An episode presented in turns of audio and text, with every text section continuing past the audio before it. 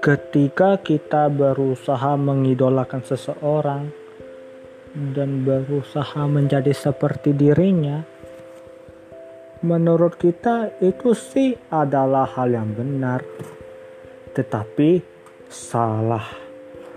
Aku dan kamu, kita dan mereka itu jelas berbeda.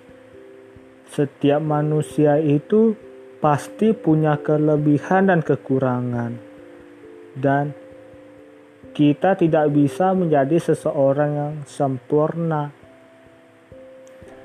dan sering kali kita minder saat melihat ada orang yang lebih baik dari kita. Itu entah dari segi dia lebih pintar, lebih kaya, maupun lebih baik dari kita, dan sebagainya.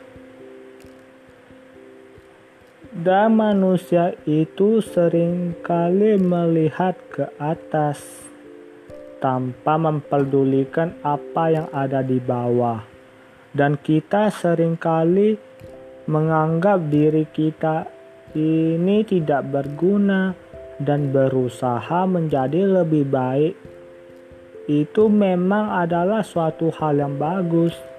Tetapi ingatlah, tetaplah mensyukuri apa yang sudah Tuhan berikan, dan jadilah dirimu sendiri, dan ubahlah perilaku buruk yang kamu miliki dan tetaplah bersyukur karena tidak semua orang memiliki keberuntungan yang sama seperti kamu.